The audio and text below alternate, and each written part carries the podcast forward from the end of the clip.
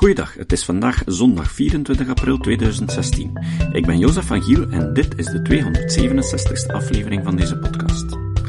Vorig jaar hadden we onder de medewerkers van deze podcast een gesprek over Moeder Teresa. Nadat Emile in februari 2015 een artikel van Jerry Coyne over deze dame op onze Facebookpagina had geplaatst.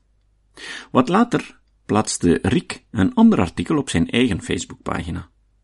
We kwamen tot het idee om hier eens een podcastaflevering aan te spenderen, want weinig mensen kennen de echte levenswandel van deze dame. We vroegen toelating aan Jerry Coyne om zijn artikel te mogen vertalen en gebruiken. Maar Jerry Coyne is blijkbaar meer bekommerd om de copyright-inkomsten van zijn eigen website dan om het delen van kennis over mythes en reageerde dus negatief. Een eigenaardige houding die we heel weinig tegenkomen in de sceptische wereld. Meestal zijn ze heel dankbaar dat we die moeite willen doen. Zelfs Richard Dawkins, voor wie onze bijdrage verwaarloosbaar is tegenover zijn eigen uitstraling. Na enige dagen begon het idee te groeien om zelf iets te schrijven, en wat later had Stefan Suttens het boek van Christopher Hitchens gekocht, The Missionary Position, Mother Teresa in Theory and in Practice. Wat later zag ik in Goodreads dat Stefan het boek al uitgelezen had, en dan heb ik hem onmiddellijk gevraagd of hij voor onze podcast een boekbespreking wou maken.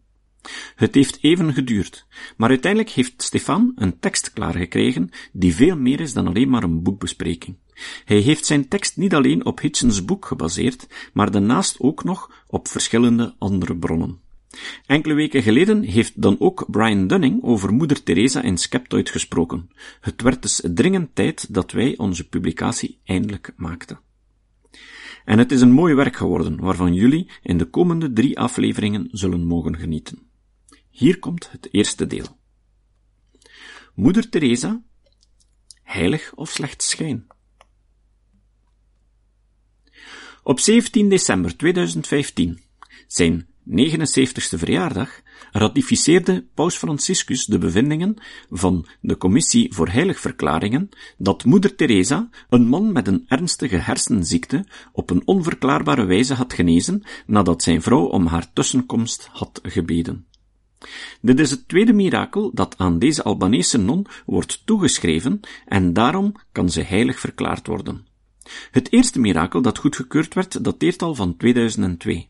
Dit leverde haar al een zaligverklaring op, nog uitgesproken door paus Johannes Paulus II. Moeder Teresa staat bekend als een vrouw die alles opgaf om zich in te zetten voor de armsten van de armsten en een troost te bieden aan zij die het het hardst te verduren kregen in hun leven. Niet alleen de zalig en nu ook de heiligverklaring van het Vaticaan bevestigen dit. Moeder Teresa kreeg tijdens haar leven ook al de Nobelprijs voor de Vrede, het ereburgerschap van de Verenigde Staten, de UNESCO-prijs voor vredeseducatie en heel wat andere prestigieuze prijzen. Helaas blijkt dit beeld nogal af te wijken van de werkelijkheid en heeft het er alle schijn van doelbewust opgezet te zijn. In het jaar 2013 is er nog een studie, gevoerd aan de universiteit door Serge Larivier, die lijkt te bevestigen dat zoveel critici, onder wie Christopher Hitchens en Etienne Vermeers, al jaren zeggen dat de mythe die rond moeder Teresa hangt, niet op de waarheid berust en dat het hier in werkelijkheid om een religieuze fanatiekelinge, fundamentaliste en bedriegster gaat. Van waar komt deze kritiek dan? Waarom krijgt een persoon die ogenschijnlijk enkel het goede probeerde te doen in haar leven en volledig ten dienste van andere mensen stond, dergelijke tegenwind te verduren? Een volledige kritiek op moeder Teresa zou ons te ver leiden. Christopher Hitchens heeft er in 1995 een boek over geschreven. The Missionary Position, Mother Teresa in Theory and Practice. Het is een goede honderd pagina's dik. Dit boek werd geschreven voor haar zaligverklaring en sindsdien zijn er nog allerlei andere zaken aan de oppervlakte gekomen. Er zijn ontelbare getuigenissen van journalistieke onderzoeken geweest die ons in dezelfde richting duwden, en er zijn, volgens de literatuurstudie, gedaan door Larivé, geen artikels of werken gepubliceerd die de waarheid van Hitchens boek ondergraven. In dit artikel willen we even aangeven waarom moeder Teresa zo onder vuur ligt door deze critici. We beginnen bij het begin. Wonder is geen wonder. Het verhaal van moeder Teresa begint in 1968.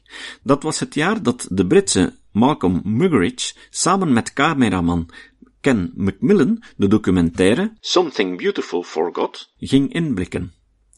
Deze zou ervoor zorgen dat moeder Teresa in 1969 wereldnieuws werd. Malcolm Muggeridge beschrijft de gebeurtenissen als volgt.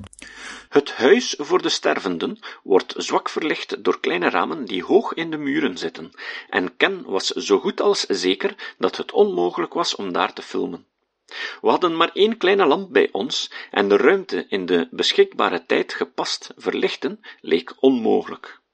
We besloten dat Ken het toch zou proberen. Maar voor de zekerheid maakte hij ook enkele opnames op een binnenplaats waar enkele bewoners in de zon zaten. Toen de film ontwikkeld was, bleek het licht in het deel dat binnen was opgenomen bijzonder mooi en zacht, terwijl het deel dat buiten gefilmd was, schimmig en onduidelijk bleef. Ik ben er absoluut van overtuigd dat dit technisch onverklaarbare licht, het vriendelijke licht, met hoofdletter V en hoofdletter L, waar kardinaal Newman het in zijn beroemde, prachtige hymne over heeft. En zijn conclusie? Dit is precies waarom er mirakels zijn. Om de innerlijke realiteit van Gods uiterlijke schepping te onthullen. Ik ben er persoonlijk van overtuigd dat Ken het eerste fotografische mirakel heeft vastgelegd. Muggeridge heeft dit niet voor zich gehouden en zegt zelf dat hij vreest dat hij er tot vervelens toe over heeft gesproken en geschreven. Christopher Hitchens heeft echter een interview afgenomen met Ken Macmillan, de cameraman. Het interview staat beschreven in het eerder genoemde boek The Missionary Position. Maar het is ook te bekijken als onderdeel van de documentaire Mother Teresa, Hell's Angel. Een link naar deze YouTube-film kun je vinden op de notitiepagina. Dit is wat Macmillan zei. Gedurende Something Beautiful for God werden we meegenomen naar een gebouw dat moeder Teresa het Huis van de Stervenden noemt. Pieter Scheffer, de regisseur, zei: Oei, het is hier wel erg donker. Denk je dat we iets kunnen filmen? We hadden net een levering nieuw filmmateriaal van Kodak van de BBC ontvangen, en we hadden nog geen tijd gehad om die te testen. Dus zei ik tegen Peter: We zijn hier toch, we kunnen het net zo goed proberen. Dus maakten we de opname. En toen we enkele weken later, of een maand of twee later, terugkwamen, zaten we in de Ealing Studios en uiteindelijk kwamen de shots van het huis van de stervenden aan bod. Het was verrassend. Je zag elk detail. Ik zei, dat is verbazingwekkend. Echt ongelooflijk. Ik wilde nog iets zeggen zoals, je weet wel, drie keer hoera voor Kodak.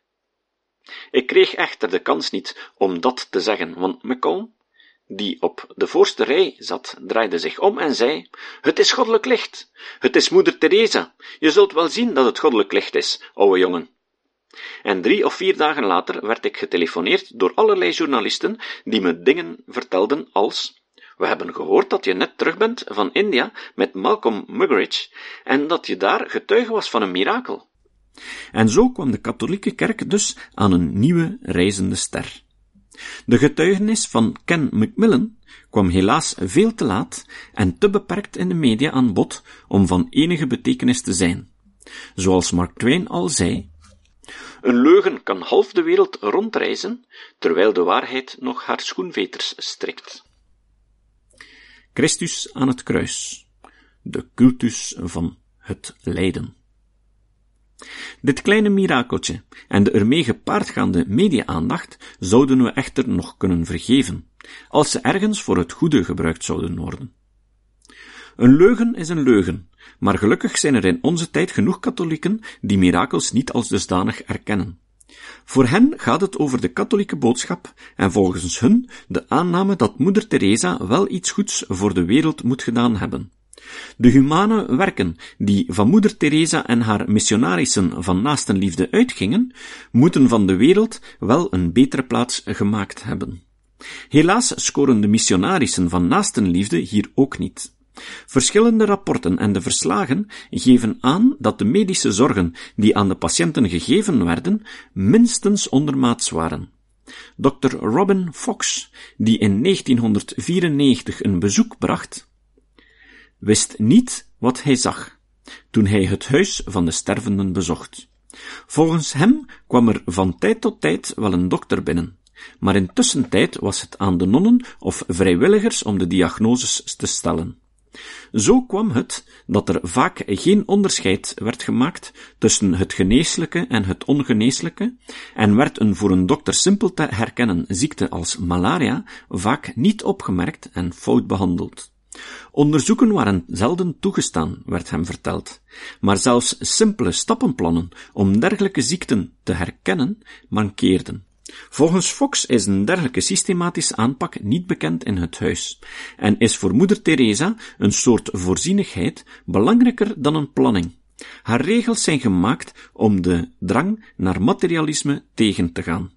Verder stelt Fox zich ook vragen bij de behandeling van pijn door de zusters. Volgens hem was er een zekere spirituele aanpak, maar sterke pijnstillers werden niet gebruikt. Hierbij moet opgemerkt worden dat moeder Teresa in deze regio in Calcutta al 45 jaar aan het werken was en al bijna 30 jaar lang grote hoeveelheden geld en materiaal had ontvangen. Haar huis van de stervenden had geen financiële problemen. Ze doen dit omdat moeder Teresa wil dat het zo gaat. Moderne medicijnen links laten liggen is in zekere zin waar het huis op uit is. Ook Marie Landen, een vrijwilligster in Calcutta, was bijzonder kritisch over het huis van de stervenden. Volgens haar stonden er nergens stoelen of ander meubilair, enkel maar oude brancards die haar deden denken aan taferelen uit de Eerste Wereldoorlog. In de ene kamer lagen 50 tot 60 stervende mannen, in de andere kamer 50 tot 60 stervende vrouwen. Ze kregen weinig medische zorgen en als pijnstiller enkel aspirine en een beetje ibuprofen. En dit om pijnen te bestrijden die gepaard gaan met kanker en andere ziektes waar ze aan doodgingen. Naalden werden gebruikt en hergebruikt, zonder ze te steriliseren. Een voorbeeld gaat over een Amerikaanse dokter die een 15-jarige jongen met een relatief simpele nieraandoening wil behandelen. De aandoening werd erger en erger, omdat ze niet beschikte over antibiotica. Uiteindelijk had deze jongen een operatie nodig, maar de zusters wilden geen taxi bellen om hem naar het huis te brengen. Als ze het voor één iemand doen, moeten ze het voor iedereen doen, was de uitleg. Ook hier is het belangrijk om op te merken dat moeder Teresa ondertussen genoeg geld binnenhaalde om enkele eerste klasse ziekenhuizen te runnen in Bengalen. De beslissing om dit niet te doen en in de plaats daarvan zo armoedig te werk te gaan, is een bewuste keuze geweest. Deze werkwijze is niet toevallig tot stand gekomen. Het is de weg die de missionarissen van naastenliefde moedwillig kozen en paste in de traditie van het lijden. Agnes Gongsa Bayonxiu zal zich trouwens moeder Teresa noemen naar de heilige Theresia van Lisieux, een heilige die in haar leven veel ziektes en lijden heeft gekend, maar ondanks alles niet haar geloof in het christendom opgaf. Sterker nog, ze zag al de gebeurtenissen van lijden net als een bewijs voor haar geloof. In haar dagboeken geeft ze blijk van een enorme intellectuele begaafdheid. Ze vraagt zich zelfs vaak af of er wel iets is na de dood, of het slechts een donkere nacht zal zijn. Ze zal uiteindelijk een jaar lang aan tuberculose lijden en hieraan ook sterven. Maar ze zal elke pijnstilling weigeren, in een tijd waar morfine al lang was uitgevonden. Dit gedrag komt van de opvatting dat Christus gestorven is en geleden heeft voor onze zonden. Het lijden krijgt hierdoor een ongelooflijk grote waarde en ook het idee van plaatsvervangend lijden krijgt deze status toebedeeld, aangezien Jezus hierin is voorgegaan.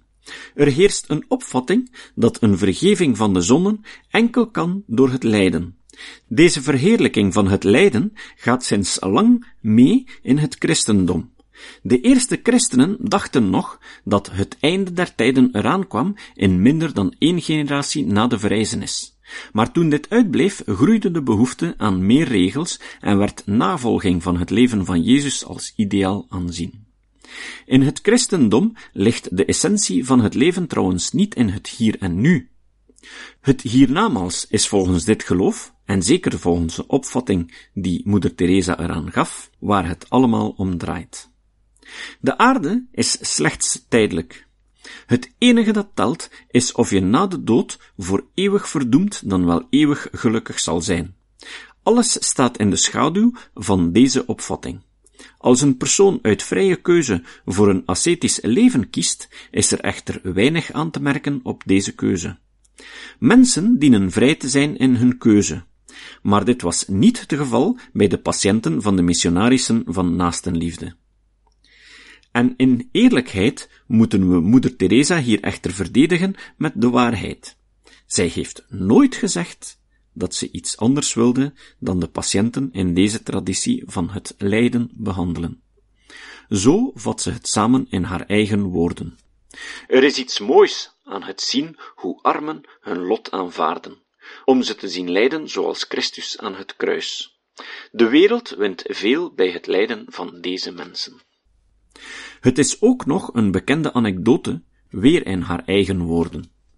Op een dag ontmoette ik een kankerpatiënte die in gruwelijke pijnen aan het sterven was. Ik ging naar haar en zei, Weet je, deze vreselijke pijn is enkel de kus van Jezus, een teken dat je zo dicht bij Jezus aan het kruis bent geraakt, dat Hij je kan kussen. Ze vouwde haar handen samen en zei, Moeder Teresa, zeg alsjeblieft tegen Jezus dat Hij stopt met me te kussen. In deze twee uitspraken zie je duidelijk het fundamentalistisch christelijk idee van plaatsvervangend lijden terugkomen. Het stond en staat in het centrum van de handelswijze van de missionarissen van naastenliefde. Verder zijn er ook getuigenissen waaruit blijkt dat de zusters aangeleerd kregen hoe ze iemand moesten dopen. Dan werd er aan de sterk verzwakte patiënten gevraagd of ze naar de hemel wilden. Indien het antwoord ja was, doopte de zuster deze patiënt zo discreet mogelijk, terwijl de patiënt onder de indruk was dat hij gewassen werd. De zuster prevelde dan heel stil de nodige woorden.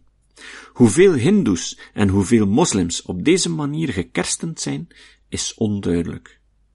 Het blijft niet bij deze enkele zaken. Zo werden dakloze HIV-patiënten in San Francisco elk recht ontzegd om bezoek te ontvangen, en mochten ze niet naar sportwedstrijden op tv kijken. Ze mochten enkel creperen in hun ondermaatse bed. In New York, de Bronx, werden plannen voor een huis voor daklozen tegengehouden, omdat de instanties daar in elk gebouw een lift voorschrijven.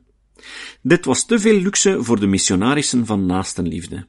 Zelfs toen het stadsbestuur voorstelde om de kosten van de lift te dragen, weigerden ze ermee door te gaan. Deze getuigenissen komen allemaal verder uit Hitchens boek uit 1995. Volgens Hemley Gonzalez, een man die in 2008 nog twee maanden dienst heeft gedaan in een huis van de missionarissen van naastenliefde, is aan deze werkwijze nog steeds niets veranderd. Getuigenissen over zijn ervaringen kan je vinden op zijn blog Stop the Missionaries of Charity. Op zijn blog kan je wederom een hele lijst van wantoestanden terugvinden uit zowel anonieme als gekende bronnen. In een huis in Calcutta waar mensen met psychische problemen behandeld worden, wordt gewerkt met elektrotherapie.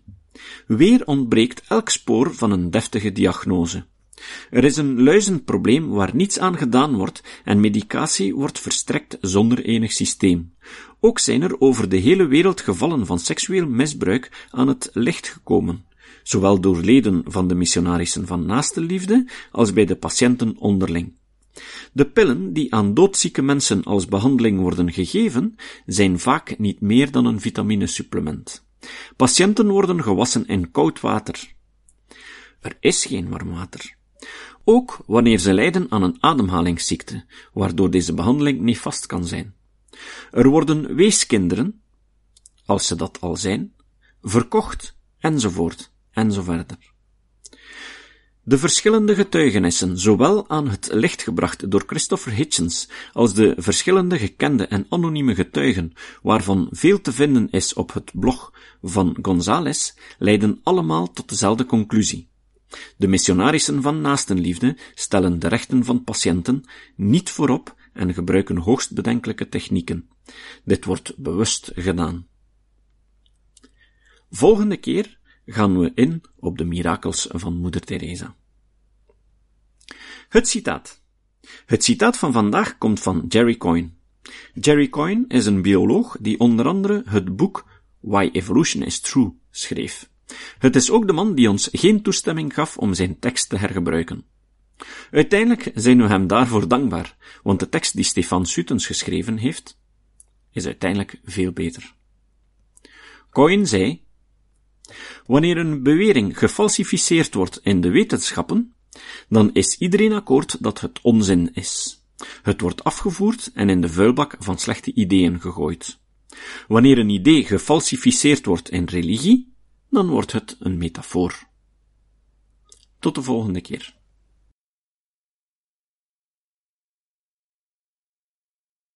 Deze podcast is het resultaat van het werk van veel mensen. Rick de Laat verbetert bijna al mijn teksten en maakt de meeste vertalingen. Emiel Dingemans verzorgt onze website en Facebookpagina. Ook Leon Korteweg en Stefan Sutens schrijven, vertalen of verbeteren soms artikelen. Leon onderhoudt bovendien het YouTube-kanaal van deze podcast. De muziek van de intro en de trailer heeft Nick Lucassen geschreven, en soms maken we ook gebruik van muziek van Ad van Nederpelt, die ons zijn prachtige composities ter beschikking stelt. Dit was de podcast Kritisch Denken. Vergeet niet om alles kritisch te behandelen, ook deze podcast. Voor verdere informatie over deze podcast, links en voor de tekst, surf naar www.kritischdenken.info. Als je deze podcast belangrijk vindt, kun je me steunen door anderen warm te maken ook eens te luisteren. Stuur een e-mail naar vrienden met een link naar de website en plaats de link in de handtekening van je e-mails. Tevens kun je op iTunes deze podcast een beoordeling geven of een recensie schrijven. Of je kan op je eigen website of blog een link naar kritisch denken plaatsen.